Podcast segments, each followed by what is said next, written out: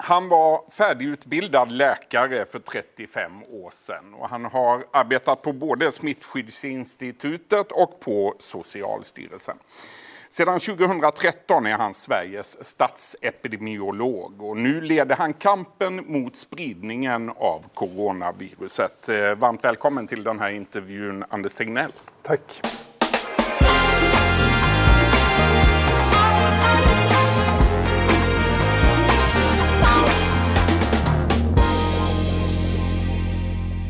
Ju Anders, rätt åtgärd vid rätt tillfälle, då får man bäst effekt. Det har du upprepat några gånger nu.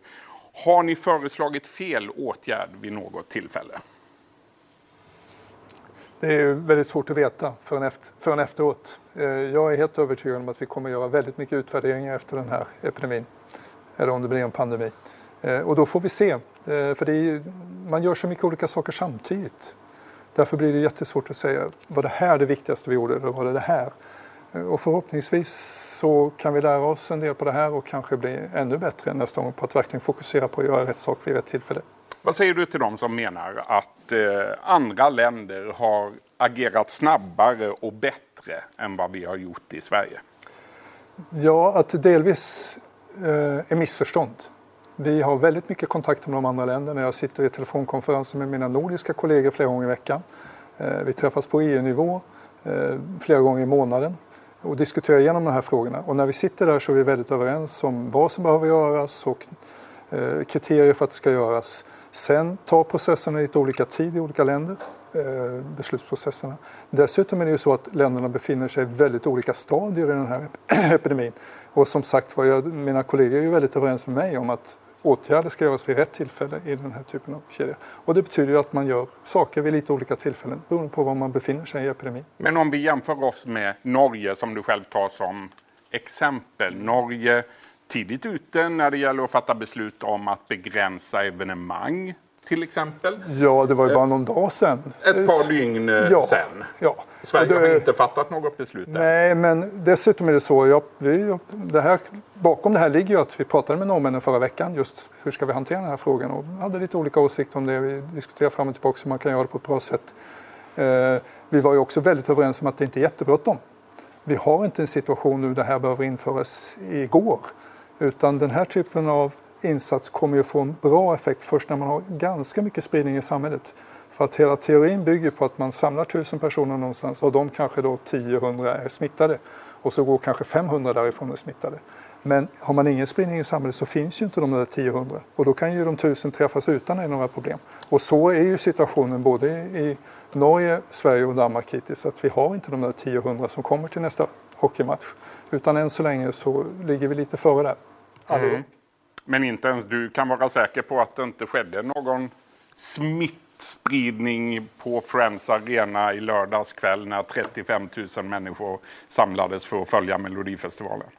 Nej, inte att det inte skedde någon överhuvudtaget. Men med tanke på hur många vi har provtagit, hur mycket vi har testat här i landet och hur lite vi trots allt har hittat bland personer som inte varit ute och rest. Så inte har det skett mycket, det är jag helt övertygad om.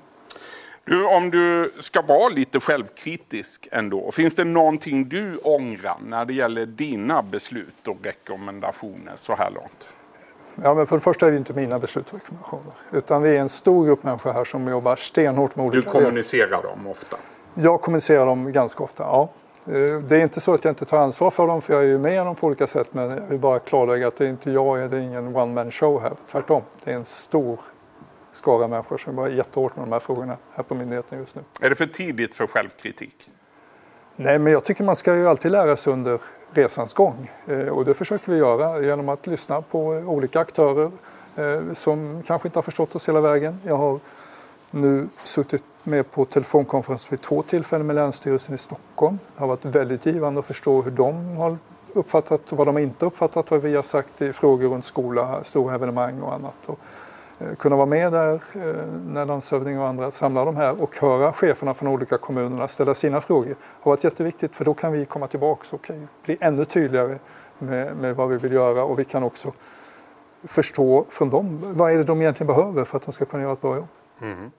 Samtidigt är det så att eh, forskare runt om i landet eh, menar att Folkhälsomyndigheten inte har tagit uppdraget att minska smittspridningen på tillräckligt stort allvar. Till exempel professor Joakim Rocklöv och professor Björn Olsen. Vad säger du om deras kritik? Kan de ha en poäng? Ja, återigen vet vi inte förrän efteråt om vi ens kommer att veta då, för det här är en komplex situation. Eh, jag kommer tillbaka till att vi har agerat väldigt mycket som många andra länder har agerat. Vi har gjort åtgärder i samma typ av situation vid samma tillfällen. Eh, vi har en ständig dialog med andra länder om hur de uppfattar och vad de lär sig så att vi kan lära oss av deras situation. Eh, sen är det ju så att här är det ju ett när det gäller spridning av smittsamma sjukdomar är det inte många i världen som jobbar med sånt. Vi är en liten skara som träffas på EU-nivå som håller på med det här i många år. Eh, och i den skaran är vi väldigt överens. Till den skaran tillhör varken Johan Rocklöv eller Björn Rosén. Den 24 januari i år, för knappt sju veckor sedan, då sa du att risken att smittas i Sverige är obefintlig. Viruset sprids inte heller i andra länder. Vad tänker du om det idag när vi har flera hundra smittade i Sverige? Ja, men det var sant då. Som det var sant då? Ja. Nej, men det, det här är, man måste komma ihåg att det här är en rörlig situation. Det är inte bara att man ska göra eh, rätt åtgärder vid rätt tillfälle utan analysen om hur det kommer att vara i framtiden kommer hela tiden att förändra sig utifrån att vi lär oss mer och mer om ett nytt virus. Eh, vi har ju varit väldigt tydliga med att våra riskbedömningar och sånt bygger, bygger precis vad vi är nu. Vad tror vi ska kunna hända inom en nära framtid? Inte vad vi tror kan hända om 6, 12, 18 månader. Eh, och det är klart att, och det är väldigt lätt att vara efterklok. Jag kan, du kan säkert hitta många citat på mig när jag har sagt saker som sen inte blev så. Men ibland har man rätt också. Kan du förstå att en del människor undrar om man kan lita på det man hör från dig och från Folkhälsomyndigheten?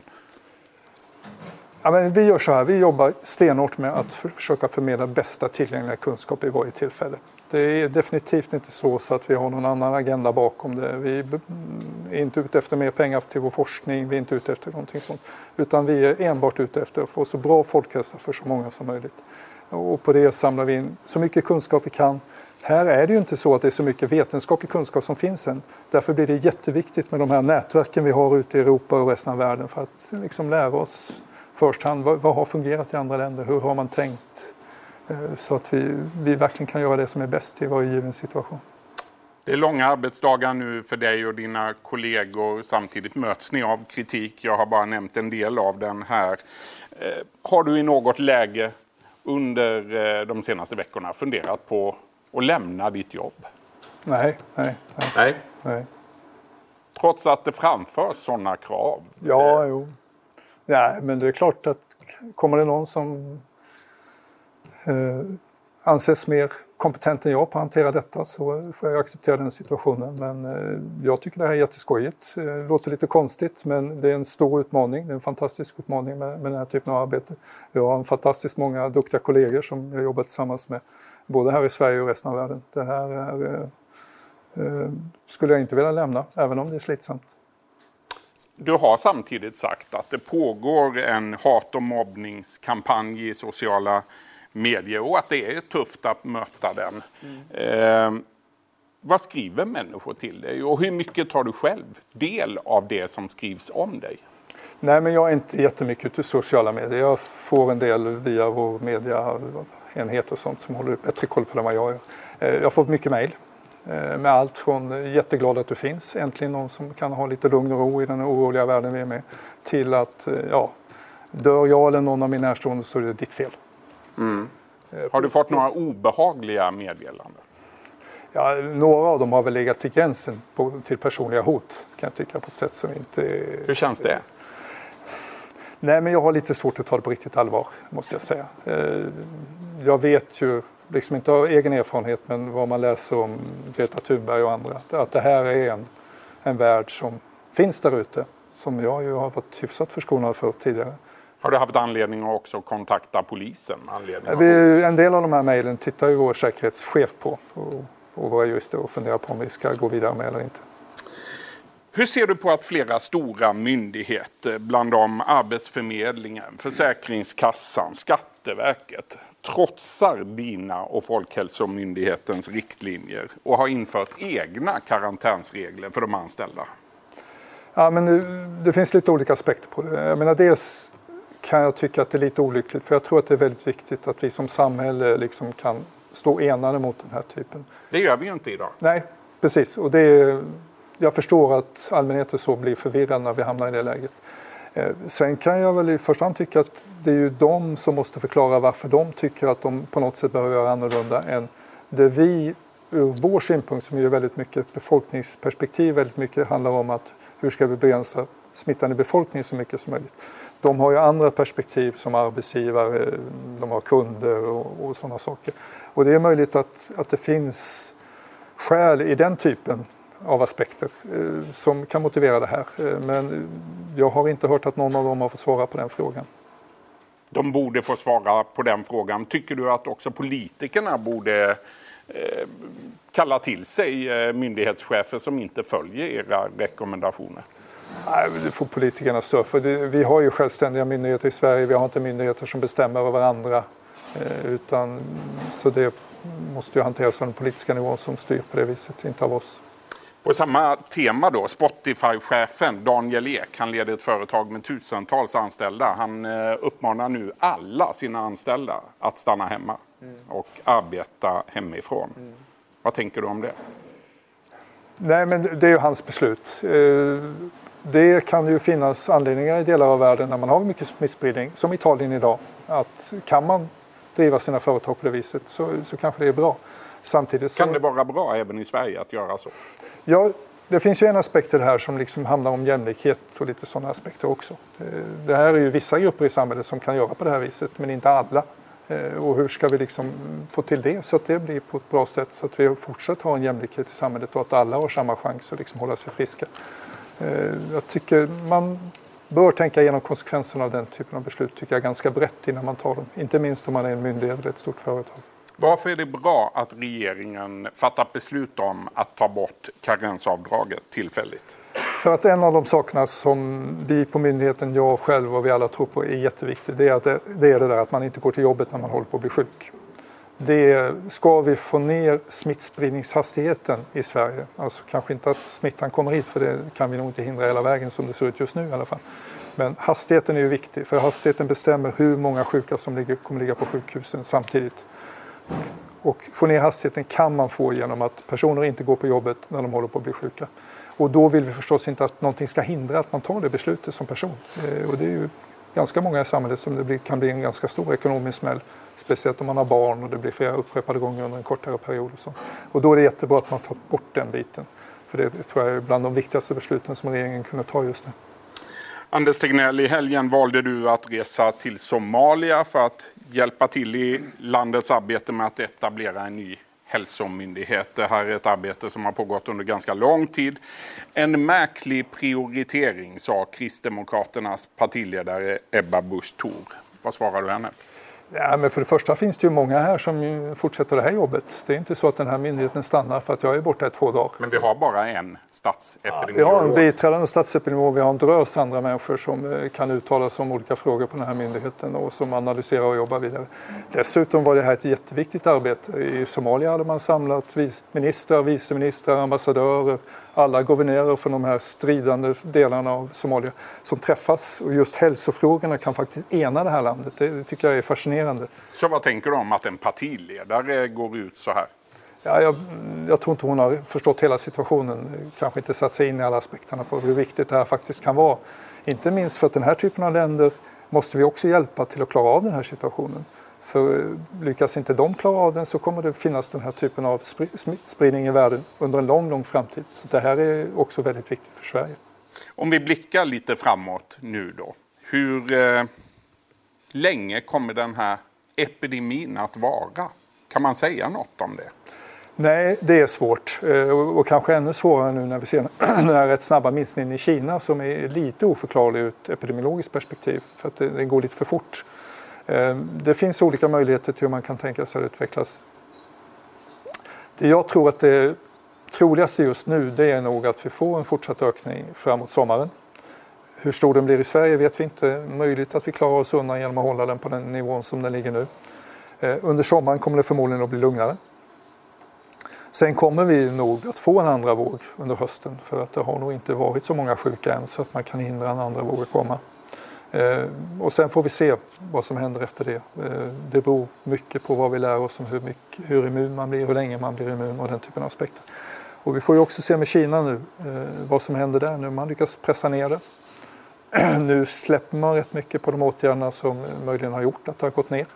Eh, kommer det då komma tillbaks? Eh, är det så även i Kina att man bör gå in i en sommarperiod, att det kanske är lugnare men att man även i Kina kan förvänta sig en, en ny våg under hösten? Jag tror att en ny våg under hösten är ganska trolig.